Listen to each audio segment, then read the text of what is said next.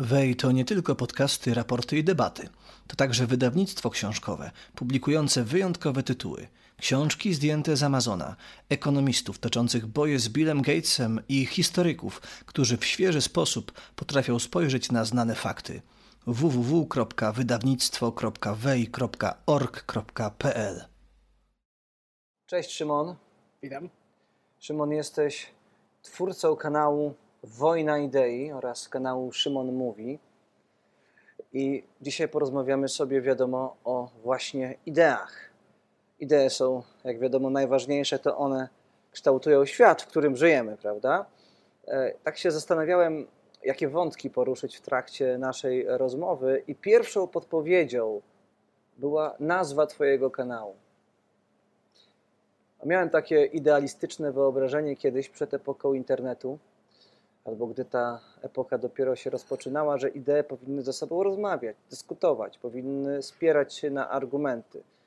Wygrywać powinny te, które są silniejsze, bardziej merytoryczne, a przegrywać te głupsze, słabsze, nieuargumentowane. A Twój kanał nazywa się Wojna Idei. One powinny ze sobą nie dyskutować, a walczyć. Czy nadeszły takie czasy, że już tylko walka idei jest możliwa, że rozmowa, taka prawdziwa rozmowa na argumenty, to już jest przeszłość? Znaczy, ja bym to ujął jednak zupełnie inaczej. To znaczy, wojna idei, moim zdaniem, właśnie powinna polegać na wymienianiu się argumentów i na ścieraniu się idei, ponieważ kiedy ścierają się idee, kiedy y, walczą ze sobą jakieś abstrakcyjne koncepty, to nie muszą walczyć ludzie, którzy te koncepty utrzymują czy reprezentują. Więc mi się wydaje właśnie, że jak najbardziej wojną idei można nazwać właśnie dyskusję, właśnie ścieranie ze sobą argumentów w celu tego, aby ta silniejsza się wyłoniła i ta silniejsza w tym sensie, że ta lepiej uargumentowana, ta, ta która przekona do siebie autentycznie więcej ludzi, a niekoniecznie ta, która, która nie wiem, zagłuszy, prawda, czy zakrzyczy tą drugą stronę, bo to już to byśmy nazwali pewnie jakoś jeszcze inaczej.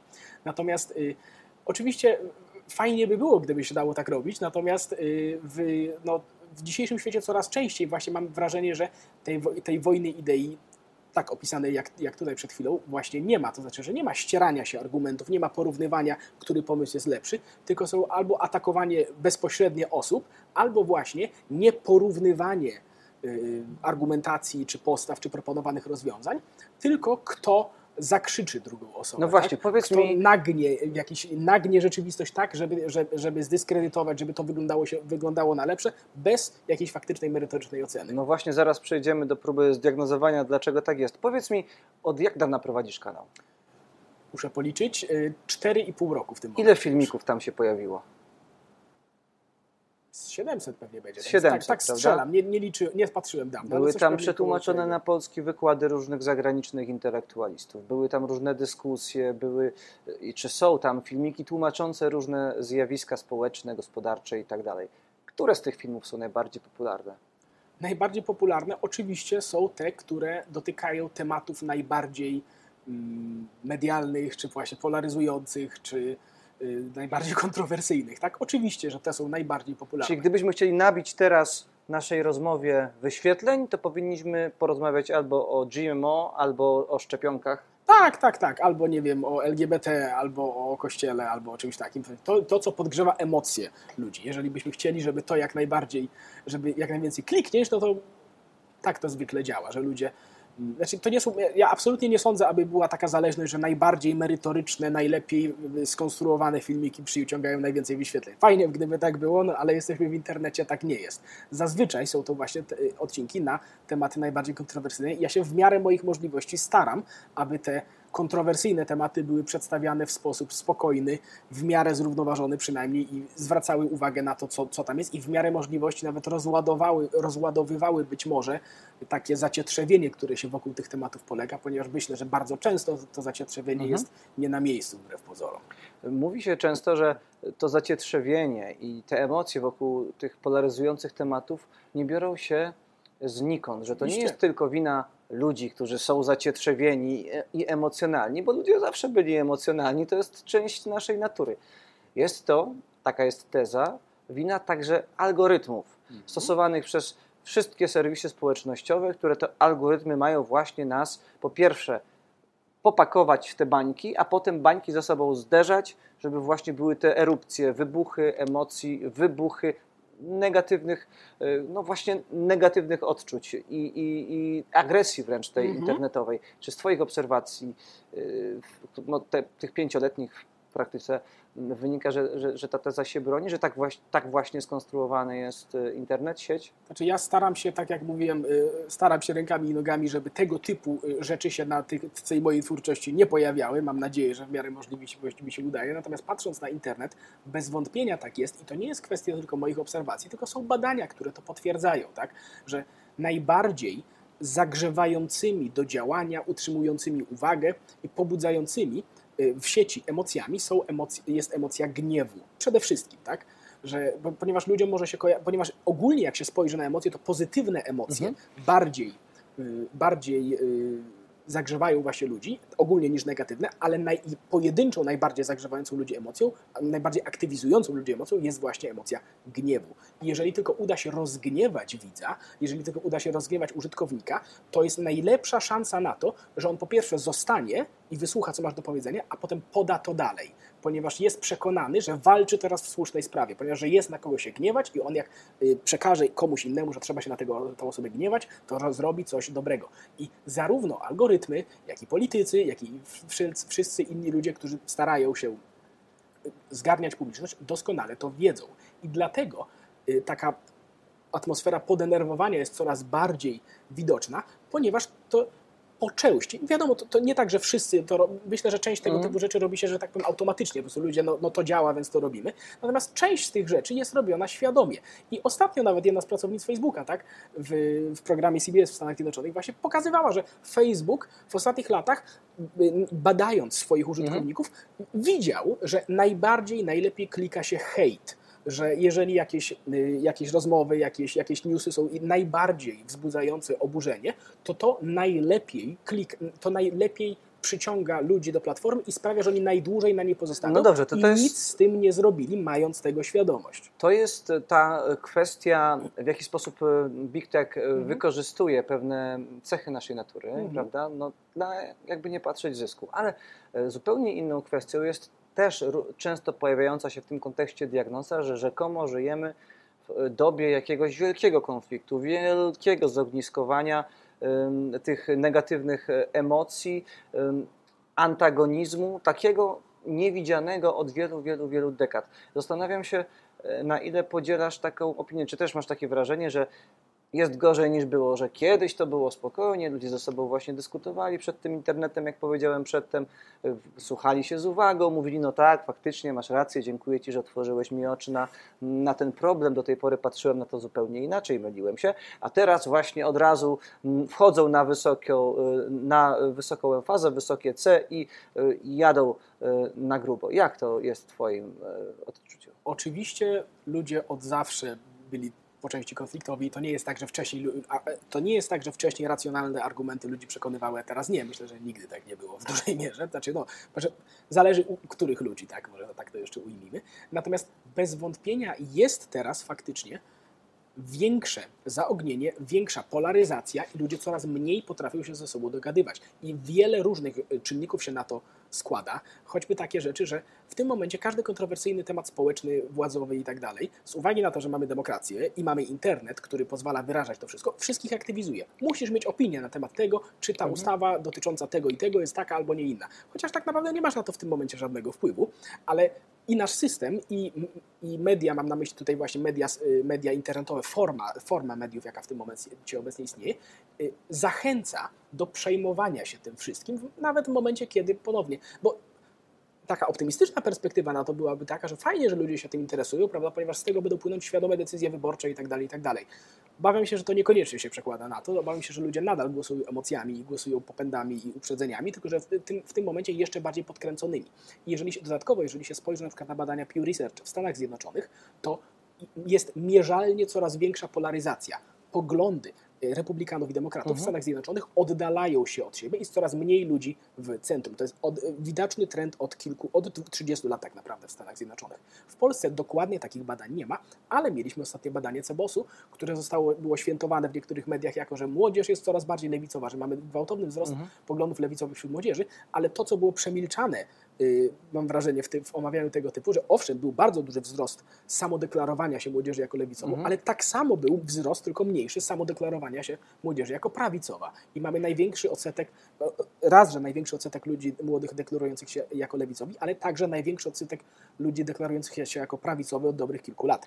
I to jest nie tyle, nie tyle, że młodzież jest bardziej lewicowa, tylko wyrywani są ludzie z centrum, którzy do tej pory nie, nie interesowali się tym wszystkim. Nie mieli konkretnych tak, poglądów, Dokładnie, prawda? więc polaryzacja jest mierzalnie obserwowalna w naszych społeczeństwach. Mhm. Ja zauważam takie zjawisko, że nawet osoby, które prezentują swoje argumenty właśnie w ten racjonalny, wyważony sposób i nie mówią rzeczy szczególnie kontrowersyjnych, y, są ofiarami agresji, hejtu. I tutaj mam konkretną osobę na myśli, jako takie, myślę, dobre egzemplum, Jordana Petersona. Mhm. Jordan Peterson, można powiedzieć, od samego początku był w pewnym sensie mistrzem banału, bo to Mhm. nie jest naukowiec, który coś odkrył, czego wcześniej nie było wiadomo. Y, Ta wielka piątka cnót, y, przepraszam, y, Cech y, osobowości. cech osobowości, którą on bardzo silnie promuje, to nie jest jego odkrycie. On nawet jakoś szczególnie tego nie rozwijał ani nie badał. Po prostu korzysta z odkryć innych. Y, Cała, że, cała ta, cały ten katalog tez, które promował, tez konserwatywno-liberalnych co prawda, ale ugruntowanych w nauce, też to nie były tezy ala Korwin-Mikke, prawda? A mimo wszystko, i, aha, do, i dodatkowo jego fo, fo, powierzchowność, forma, w jakiej on prezentował te tezy, właśnie zawsze w taki cywilizowany, grzeczny, ustrukturyzowany, spokojny sposób, nawet to wywoływało y, skrajną wręcz y, agresję w Stanach Zjednoczonych, y, akurat czy w Kanadzie, tych środowisk lewicowych. To może już nie ma odwrotu od, od tego właśnie znerwicowania społecznego, tego rozemocjonowania. Może już nie da się tego uspokoić i to musi gdzieś w końcu się skumulować, wybuchnąć i dopiero wtedy przyjdzie taki moment, okej, chyba przekroczyliśmy czerwoną linię, jesteśmy, coś spierdzieliliśmy, zepsuliśmy, doszło do jakiejś tragedii, dosyć. No, powodem tego jest, myślę, że w dużej mierze to, co się nazywa tak, to, co, coś, o czym wszyscy prawdopodobnie słyszeli, tak zwane bańki informacyjne. Jeżeli jakieś osoby otaczają się ludźmi o podobnych poglądach, co jest oczywiście normalne, naturalne i Mhm. powiedziałbym, wszyscy do pewnego stopnia w tym uczestniczymy i od zawsze tak było. Zawsze było tak, że nasi znajomi przynajmniej po części podzielali nasze przekonania, mieliśmy znajomych w tym samym wieku, Mhm. co też ich zbliżało, zbliżało do nas z tej samej rodziny, być może wyznających te same wartości i tak dalej, i tak dalej. Więc samo to nie jest jakieś szczególnie dziwne. Natomiast dziś internet, a zwłaszcza media społecznościowe, bardzo to zjawisko potęgują. Ponieważ jeżeli polajkujesz dwa konserwatywne posty na Facebooku, a dasz wr na dwóch bardziej postępowych, to Facebook już dobrze wie, że te Cię interesują, te Cię nie interesują. I będzie nie tylko podpowiadał Ci dalej te, a ukrywał dalej te, ale nawet będzie y, monitorował i mediował to, jakich znajomych posty widzisz. Czy że będziesz widział bardziej posty znajomych, którzy podzielają Twoje opinie, mniej posty znajomych, które nie podzielają, ponieważ oni nie chcą, żebyś Ty się był smutny, tak? Nie chcą, żebyś, chcą, żebyś siedział na tej platformie jak, naj, jak, jak najdłużej po prostu.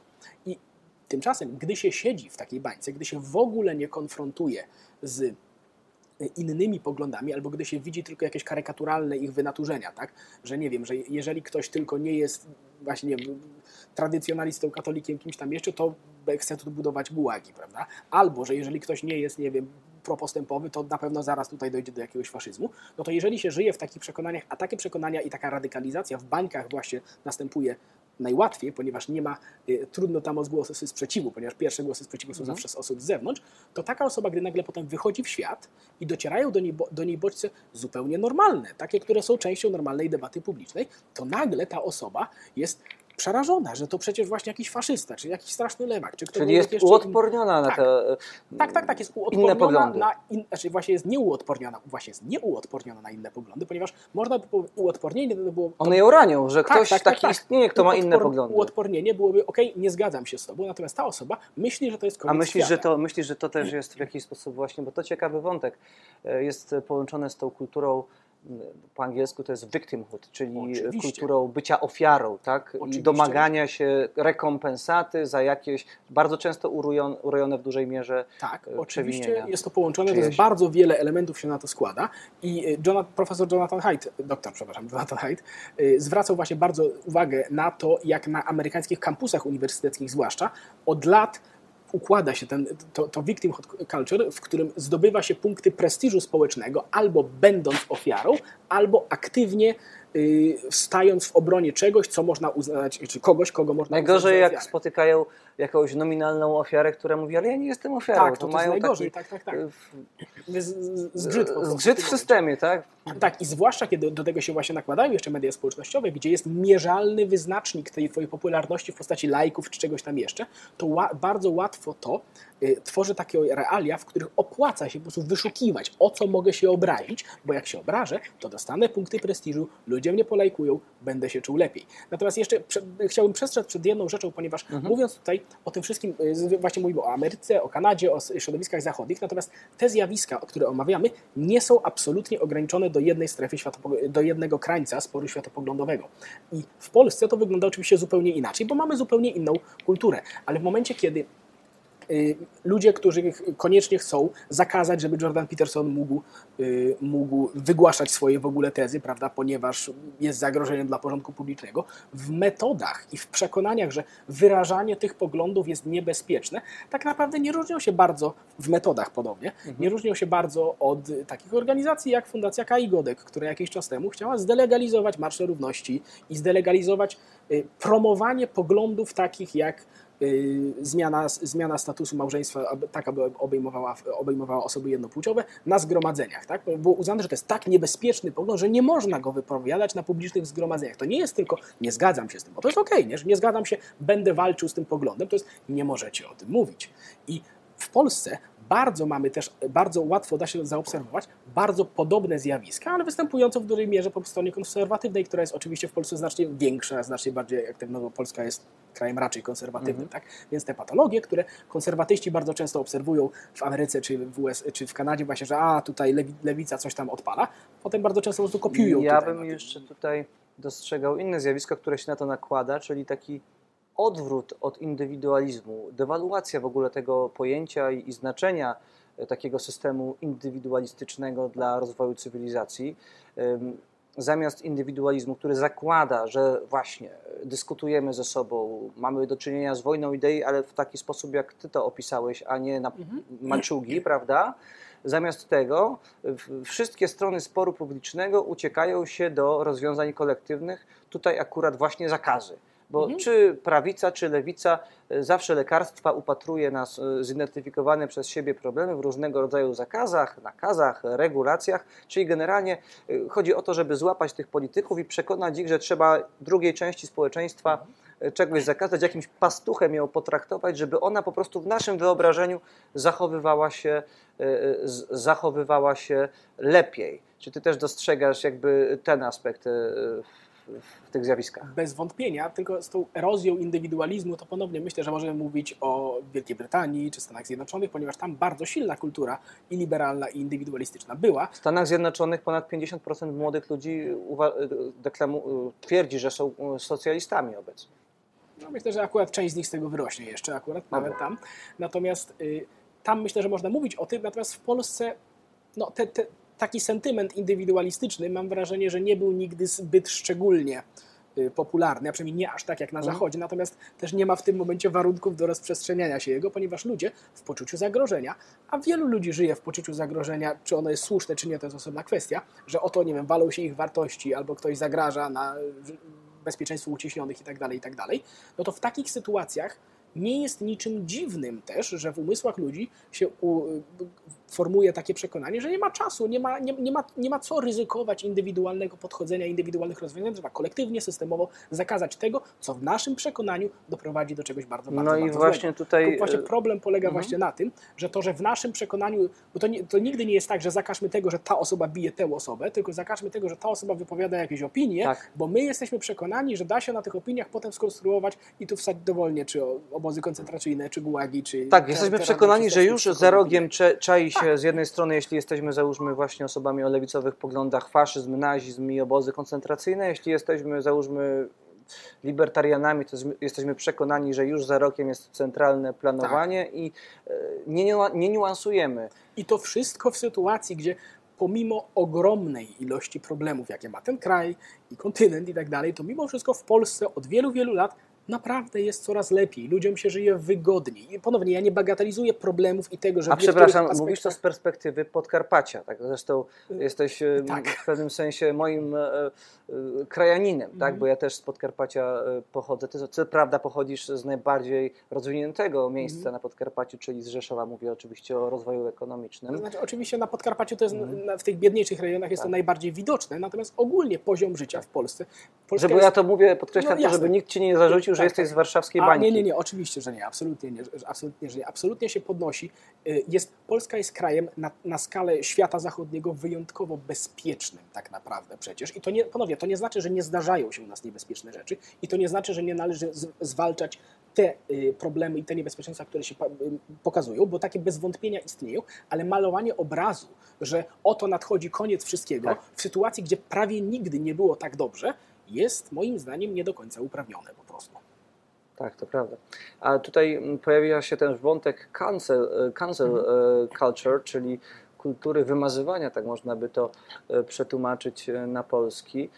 No bo jak sam powiedziałeś, jesteśmy na takim etapie, w którym to, że ktoś coś mówi, co nam się nie podoba, kwalifikuje nas do domagania się, żeby mu tego zakazać prawda? Em, Teraz w Weju wydajemy, bo ruszamy z wydawnictwem, wydajemy książkę Kiedy Harry stał się Sally. I To jest książka, która traktuje z perspektywy konserwatywnej, co prawda, na temat e, tego fenomenu dysforii płciowej, korekcji płci, e, podejścia właśnie do tych kwestii, które zdaniem autora poszło w złą stronę. Autor to wszystko argumentuje w sposób ściśle naukowy, powołuje się na publikacje naukowe, nie jakichś e, doktorów szemranych z uczelni szemranych, tylko takich, którzy przechodzą ten cały proces naukowy, peer review i tak dalej. Zresztą e, ta książka ma kilkanaście rekomendacji od najlepszych uczonych, tylko że jego e, te badania naukowe e, wiodą do innych wniosków niż załóżmy publicystów The New York Times, prawda? No i już samo to sprawia, że nie jest mile widziany w dyskusji publicznej. Amazon usunął go z dystrybucji, tę książkę. On tam nie nawołuje do tego, żeby traktować y, ludzi z problemami tożsamości płci y, pastuchem elektrycznym i ich jakoś na siłę edukować. To w ogóle nie jest tego typu literatura. Mimo wszystko y, jest usuwana z tego dyskursu publicznego, a przynajmniej jest to obecność w tym dyskursie jest jej utrudniana.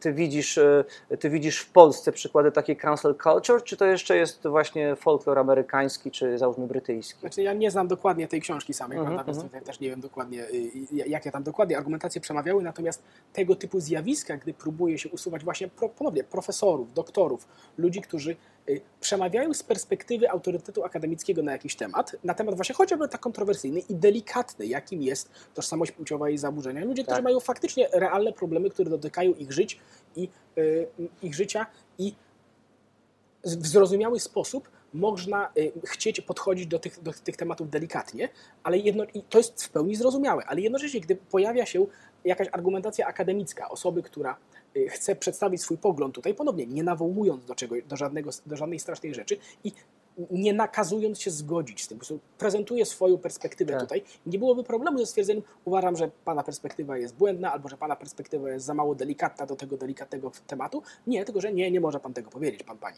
I ponownie tej konkretnej książki nie znam, więc tutaj się nie Pan, wypowiadam. pani albo wiadomo. No to wiadomo, tak, ale w Stanach Zjednoczonych było wiele tego typu przykładów i takich przypadków w Polsce, takich przypadków w Polsce, gdzie blokuje się publikacje, jeszcze nie słyszałem o tym, może są jeszcze nie słyszałem, natomiast zjawisk takich jak to, że internetowy po prostu chyba no, użyję słowa motłoch, ponieważ ciężko mówić inaczej o ludziach, którzy być może nie gardłem, ale klawiaturą domagają się Mhm. spalenia szarownicy, y, takich wymuszając na przykład odwołanie spotkania z kimś, czy usunięcie kogoś z jakiejś instytucji, ponieważ raz powiedział coś, co się nikomuś nie spodobało, to przetrafiło się Richardowi Dawkinsowi ostatnio, prawda?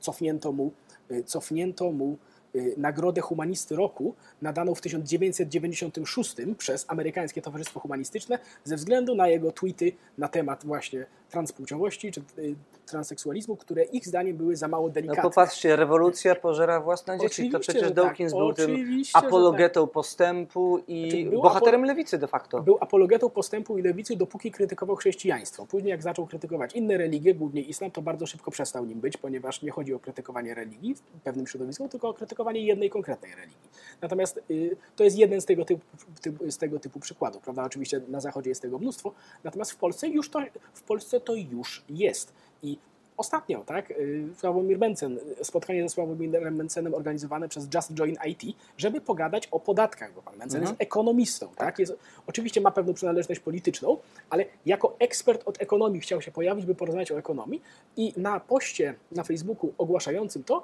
zleciała się po prostu chmara ludzi i zażądała y, anulowania tego, tego spotkania, bo pan Mencen jest strasznym człowiekiem.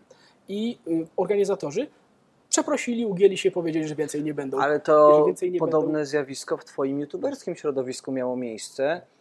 Jest taki profil, to tylko teoria Y, i twórca tego profilu... Zamierzałem właśnie, No to tego kontynuuj wobec właśnie, tego, bo właśnie to zamierzałem do tego zaraz przejść. wątek. Tylko y, chciałem właśnie jeszcze zaznaczyć, że przeproszono. To jest najgorsza rzecz, jaką można, y, jaką można zrobić przed takimi ludźmi, którzy y, domagają się czegoś nie z powodów właśnie merytorycznych, że nie wiem, to jest osoba, która się, jest w błędzie, tylko ta osoba ma złe poglądy polityczne, prawda? Mhm. I to jeszcze mieliśmy bardzo ciekawe sytuacje, ponieważ tam, patrząc na te komentarze, bardzo ewidentnie widać było, że bo Just Join IT to jest y, portal prawda, dla programistów, dla ludzi związanych z techniką i tak dalej. Większość tych ludzi domagających się, aby oni go nie, nie platformowali, przecież w ogóle nie była zainteresowania tym, temat, tym tematem. Ci ludzie ugięli się przed ludźmi, którzy nawet nie są ich klientami, tylko po prostu wystraszyli się w internecie. Kolejny przykład właśnie to jest y, pan Sakowski, tak? Właśnie twórca To Tylko Teoria, który jest obec, ostatnio już regularnie kasowany ze wszystkiego, co się tylko da, ponieważ y, z Extinction Rebellion najpierw y, zakaza, z, z, postanowiono nie publikować nagranego już z nim wcześniej wywiadu, właśnie dlatego, że ludzie y, zażądali tego w komentarzach. Kolejno odwołano jego, cofnięto jego zaproszenie na Live Influencer, Influencers Wrocław i to było Mhm. po sytuacji, kiedy poproszono go, żeby, żeby zarezerwował termin, żeby kupił sobie bilet. Potem cofnięto mu to zaproszenie, ponieważ y, zawsze są, zawsze są zarzuty te same, że jest y, transfobem i fatfobem, czyli, że tak powiem, y, że wypowiada się niedelikatnie na temat y, osób z otyłością i osób z zaburzeniami tożsamości płciowej. I ta niedelikatność polega na tym, że nazywa otyłość chorobą, a zaburzenie tożsamości nazywa zaburzeniem, co jest formalnie zgodne z co jest formalnie zgodne z klasyfikacjami medycznymi w tym temacie. I na przykład, y, i na przykład y, organizatorzy Influencers, y, Influencers Wrocław po jakimś czasie w dyskusji przyznali mu rację. No, że rzeczywiście, w sensie, no tak, w sensie to, co mówisz, Mhm. jest poparte merytorycznie, ale to jest za mało delikatne. Nie? Ale I- to jest... i, to, y, I jeszcze dodam jedną Mhm. rzecz, że o ile na przykład pan Mencen jest osobą no, bardzo wyraźnie konserwatywną, więc można by pomyśleć, że tu jest właśnie ta, ta, w, w tę stronę, to pan, pan Sakowski jest osobą w żaden sposób niekonserwatywną. On wręcz przeciwnie, bardzo się angażował kiedyś w bardzo bardziej postępowe zmiany społeczne, ale dla całkiem sporej ilości ludzi jest za mało postępowy po prostu.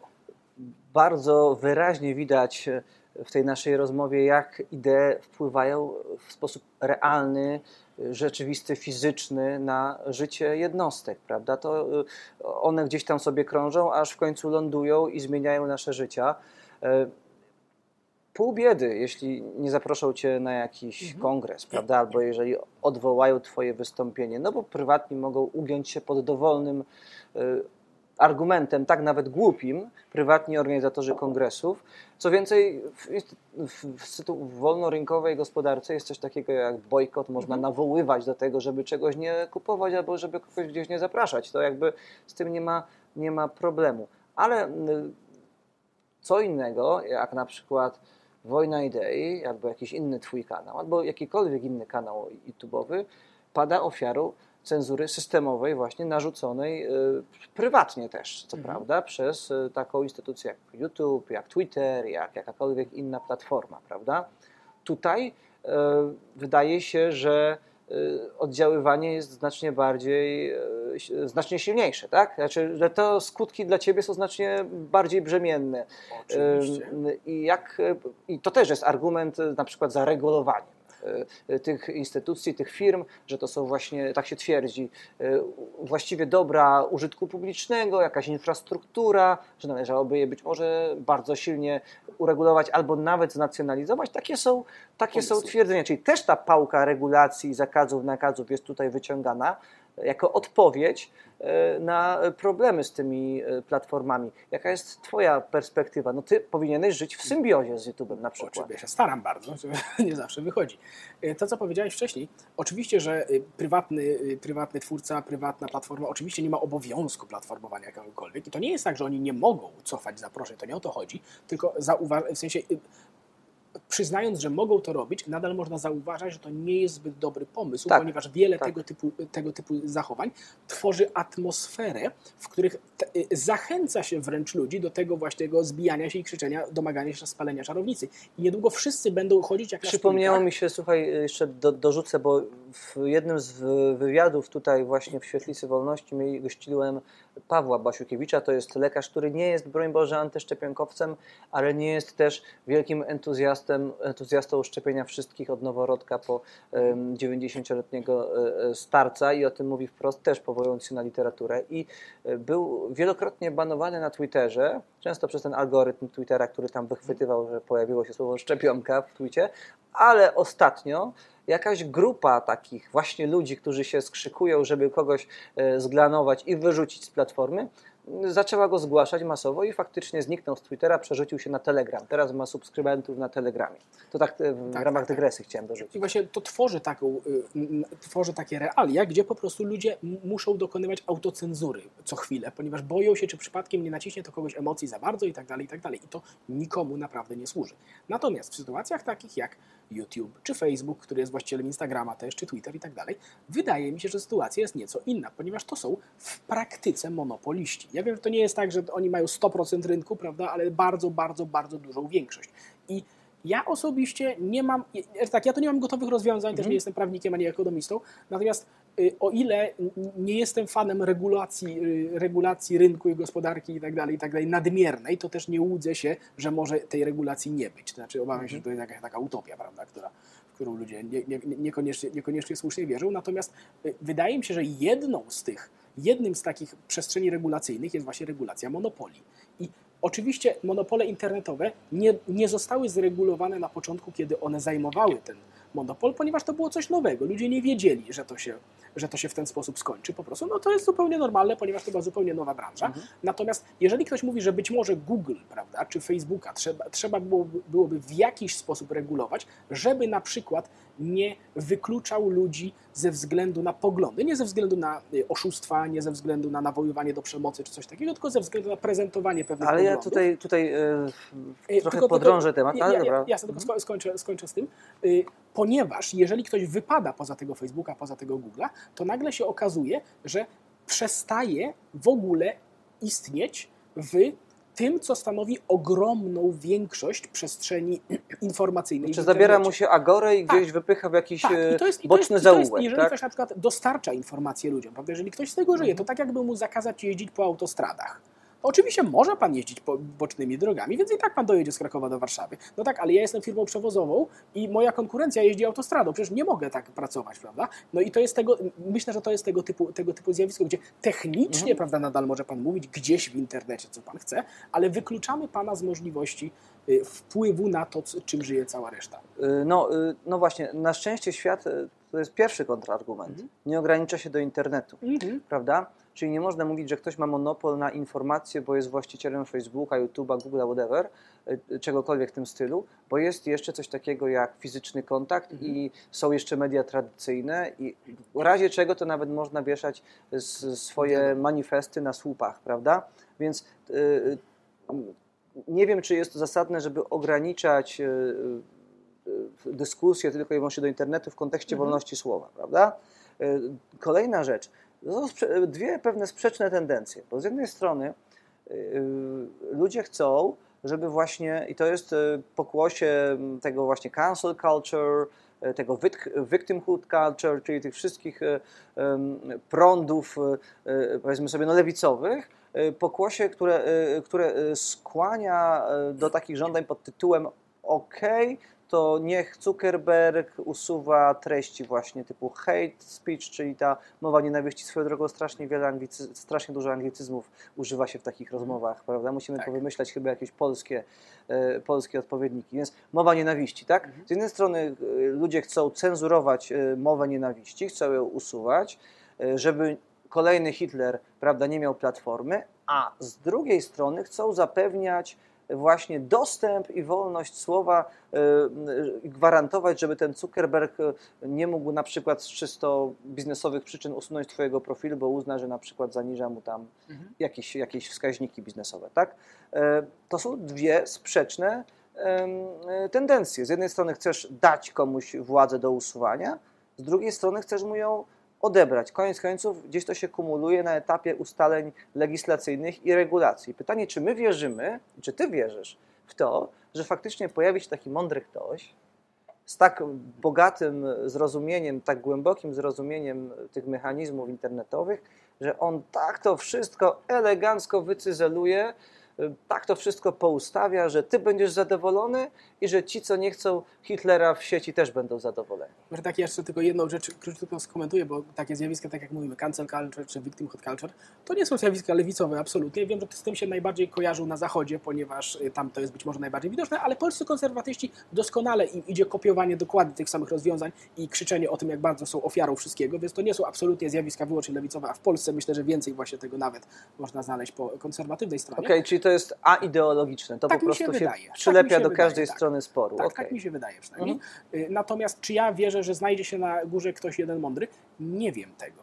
Natomiast wydaje mi się, że dotychczasowe doświadczenia z tym pokazują, może tak, nie jestem w żaden sposób przekonany, aby doświadczenia dotychczasowe pokazywały, że rynek to sam miałby wyregulować. Ponieważ niektórzy tak sugerują, że a, że jak YouTube przyciśnie z cenzurą, czy tam Google, czy Facebook, to pojawią się alternatywy, ludzie tam odskoczą. No i to jest taka gadka powtarzająca się od dobrych kilku lat. Ostatnio był Parler, tak, który chciał dokładnie to zrobić, no i skasował mu Amazon y, serwery, tak, po jakimś czasie. Więc y, jestem bardzo sceptycznie nastawiony co do tego, Mhm. czy rynek ten problem rozwiąże.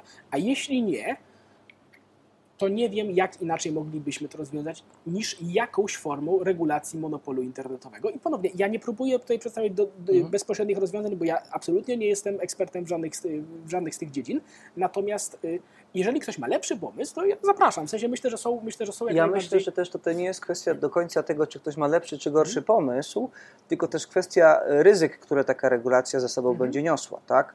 Bo y, popatrzmy na stronę tych kosztów, które ponosimy teraz. No faktycznie, ktoś y, głosi poglądy y, w sposób odrobinę za mało delikatny, zdaniem 58 internautów, którzy zgłoszą jego profil i proszę do widzenia, jest blokowany na ileś tam dni, a, albo usu- usuwany na trwałe, prawda? To jest właśnie decyzja biznesowa u Facebooka bardzo często. Tak, tak, no ale ona się odbija żywotnie na istnieniu różnych biznesów. Ty żyjesz z YouTube'a. No, gdyby YouTube powiedział dzisiaj, nie, no panie Pękala, Pękala, panie Pękala, y, no już nie, już niech pan da spokój z tą wojną idei, y, wyłączamy, no to straciłbyś y, Tak, biznes. tak by było. Straciłbyś biznes. No więc właśnie. I to jest ten koszt, czy, czy to ryzyko, które ponosimy tu i teraz przy tym kształcie ser- serwisów społecznościowych i regulacji. Ale z drugiej strony weźmy pod uwagę fakt, że te wszystkie, y, i to się też bardzo często pojawia w debacie, y, biznesy dysponują ogromną wiedzą na nasz temat. Ogromną wiedzą na nasz temat. W momencie, jak zaczniemy y, wpuszczać tu państwo jako mechanizm regulacyjny, jeszcze dalej, jeszcze głębiej, to ta wiedza już nie będzie wiedzą prywatnych korporacji, które mimo wszystko chcą z niej czerpać zysk. Tak. Prawda? No zysk. Y, Nie chcą wypowiadać wojny, wysyłać nigdzie dronów i odstrzeliwać Jeszcze, jakiegoś wrogiego generała. tak? No jeszcze nie, jeszcze może kiedyś. Zresztą to to są wizje z prozy Heinleina, że korporacje i rządy, ma- małe rządy walczą ze sobą wzajemnie. To To cieka- ciekawe, ciekawa w ogóle literatura science fiction, polecam, ale to dygresja. No więc y, czy chcemy naprawdę oddać tę władzę też nad danymi już wprost, już bezpośrednio Ale- politykom, Myślę, że to nie musi wyglądać w ten sposób. To nie, to nie musi oznaczać, nie wiem, znacjonalizowania Facebooka czy coś takiego, ale być może powinny istnieć jakieś mechanizmy, które y, na, na przykład w Polsce hipotetycznie działa taki system, że można się odwołać do ministerstwa, jeżeli Facebook cię y, niesłusznie, niesłusznie skasował z platformy i to ministerstwo powinno gdzieś tam reagować. Znaczy, To w praktyce średnio działa, tak? ale sama idea tego typu, żeby państwo miało jakieś narzędzia y, do regulowania pewnych decyzji. To nie musi chodzić o dostęp danych. W sensie ja rozumiem, to jest słuszna uwaga, tak? ale wydaje mi się, że są inne sposoby niż przekazanie całości tej wiedzy państwu. Ja też bym wolał, żeby, ja bym wolał, żeby nikt tej wiedzy nie miał, ale skoro ci już mają, to może nie puszczać jej dalej. A co byś zrobił, jakbyś był właścicielem na przykład takiego lokalnego targu i wynajmowałbyś stoiska handlowe 50 różnym Mhm. sprzedawcom? Jeden z tych sprzedawców puszczałby bardzo głośną muzykę, a nie sprzątałby tego stoiska, naokoło też byłoby zaśmiecone. Mm, Bardzo ordynarnie odzywałby się do wszystkich pozostałych, czy przechodzących, czy innych sprzedawców i do ciebie, ale miał podpisaną umowę tam na dwa, czy trzy lata, czy cztery lata. Y, Co byś w takiej sytuacji zrobił? Czy w, y, no i oczywiście w tej umowie byłyby takie, jakieś zapisy pod tytułem analogicznie do tych regulaminów internetowych, że w wypadku naruszenia tam zasad dobrego współżycia Mhm. mo, możesz wypowiedzieć tę umowę. Wypowiedziałbyś taką umowę? Nie wiem, bo nigdy nie byłem zarządcą. y, Ale postaw tego, się- ale ale bardzo, postaw możliwe, się bardzo możliwe, możliwe, niewykluczone, że tak. Mhm. Natomiast sytuacja jest odrobinkę inna, jeżeli jestem właścicielem niemalże wszystkich straganów w Polsce i nie wpuszczam tej osoby na żaden, na żaden ten stragan. I kolejna kwestia jest taka, Mhm. że regulamin podpisany między nami jest respektowany, y, ja sobie, ja sobie go interpretuję tak, jak mi akurat w danym momencie y, się podoba, ponieważ problem z wytycznymi dla społeczności Facebooka i wytycznymi dla społeczności YouTube jest taki, że są one horrendalnie nieprecyzyjne i z perspektywy YouTube'a ja mogę powiedzieć i każdy duży twórca może potwierdzić, że przynajmniej w pewnych kwestiach YouTube po prostu łamie ten regulamin. Na przykład w sytuacji takiej, że jest zapisane, że demonetyzacja treści nie ogranicza ich zasięgów. To po prostu nie jest prawda. Każdy, kto ma duży kanał, wie, że treści, treści demonetyzowane mają nieco mniejsze zasięgi niż treści monetyzowane, co jest sprzeczne z regulaminem, Ale który Wie, bo skąd ta wiedza się bierze? Z bo obserwacji? jeżeli, czy tak, z, no bo jeżeli się wysłało kilkaset filmów, Okej. prawda, i jest na nich kilkadziesiąt tych, to Mhm. widać pewien ewidentny trend. I przynajmniej taka jest moja obserwacja, tak? To- I inne osoby Mhm. też to przynajmniej Mhm. potwierdzały, tak? Może z tym każdy to trochę przesadziłem, tak? Bo nie pytałem każdego, tak? Natomiast wydaje mi się, że y, jeżeli jakaś firma wraz z absurdalnym rozrostem skali mogą się zmieniać zasady pewne podchodzenia do pewnych podmiotów, ponieważ megakorporacja, która ma budżet większy niż niejedno państwo, myślę, że można do niej podchodzić inaczej niż do straganu z warzywami. No dobrze, tutaj pewnie y, gdybyśmy ciągnęli ten wątek, to byśmy wrócili do tego, tej mojej pierwszej uwagi, że nie do internetu ogranicza się życie, ale Mhm. y, to jest rozmowa naprawdę na całe, na całe popołudnie, tak mi się wydaje. A chciałem jeszcze zapytać Cię o przyszłość wojny idei, nie o przyszłość Twojego kanału, tylko właśnie o przyszłość tego ścierania się idei. Bo y, do starcia dochodzi, jak coś jest wystarczająco mm, inne, różne. Mhm. Jak coś jest Mhm. w miarę podobne, to nie ma mowy o starciu, nie ma mowy o wojnie. Więc te zjawiska, o których mówimy w całej tej naszej rozmowie, to są zjawiska, które tak naprawdę w- dążą czy, czy, czy wskazują taki kierunek unifikacji. Najlepiej, gdyby wszyscy mieli podobne poglądy, y, gdyby byli w miarę tacy sami, gdyby uważali, że zagrożeniem jest y, rzecz A, a nie B, czyli na przykład, nie wiem, zmiany klimatu, a nie wojna nuklearna, czy odwrotnie. Czy Twoim zdaniem wojna idei będzie wobec tego wygasać przy tych obecnych trendach? Absolutnie nie, ponieważ wraz właśnie z globalizacją, czy z taką pozorną unifikacją, ponieważ idea jest taka, ta- ja tak rozumiem, że znośmy podziały, prawda, to wtedy wszyscy będziemy się dogadywać. Znośmy podziały takie, jak wynikają z, wiem, z granic państw, z kultur narodowych, z religii, prawda, wszystkich Mhm, tego typu mhm. rzeczy, że jak tego wszystkiego nie będzie, to nagle nie będziemy mieli powodów, żeby się kłócić ze sobą. Tylko, że skutek tego jest, mam wrażenie, dokładnie odwrotny.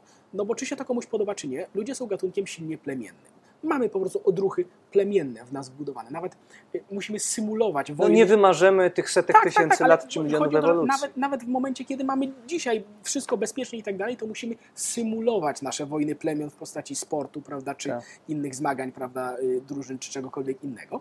I te narracje wielkie, narracje narodowe, narracje religijne, inne tego typu narracje, które oczywiście były źródłem również niektórych patologii, tak? Patologii ślepego ufania autorytetowi, prawda, i tak dalej, i tak dalej. Sensie jasne, że one też miały swoje patologie, ale jednak unifikowały ogromne grupy ludzi pod wspólną narracją.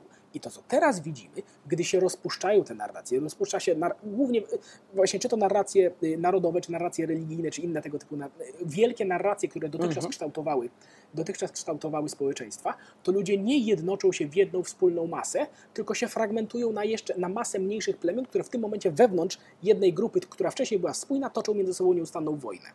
I okazuje się nagle, że to takie, ta, ta taka wielka trybalizacja, bo mieliśmy nie wiem, chrześcijaństwo i islam, tak? I, y, państwo to, państwo to, państwo to, to okazuje się, że to zapobiegało y, naparzaniu się tych ludzi wewnątrz tych grup. I gdy to zanika, to nagle się okazuje, mam takie wrażenie i wydaje mi się, że, że uzasadnione do pewnego stopnia, że zanik tych wielkich narracji właśnie nie powoduje tego, że nagle wszyscy się stajemy takim, bez, takim Czyli beznarracyjnym... powstaje fragmentaryzacja tak, naprawdę idei. Trybalizacja. Trybalizacja. Mamy, mamy straszną trybę i to bardzo widzimy w tym momencie. Jest, jest, w Polsce jest masa różnych plemion, które się nawzajem niejednokrotnie nienawidzą, tak?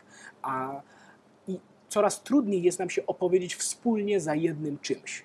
Ponieważ ludziom się wydawało, mam wrażenie, że jeżeli, że jeżeli się znikną te rzeczy, to ludzie tak naturalnie będą się ze sobą dogadywać. Właściwie nie mam pojęcia skąd, skąd ten pomysł się wziął, patrząc na naszą historię. No, utopistów było właśnie tak. historycznie bardzo, bardzo wielu. XIX wiek obfitował w takowych. Potem był XX i pojawili się Huxley, Orwell, Zamiatin. Powiedzieli, że jednak Jednak, nie, jednak nie. tak se nie da, panie. Tak, nie. Dzięki wielkie za rozmowę, Szymon. Dzięki również, dzięki również za rozmowę.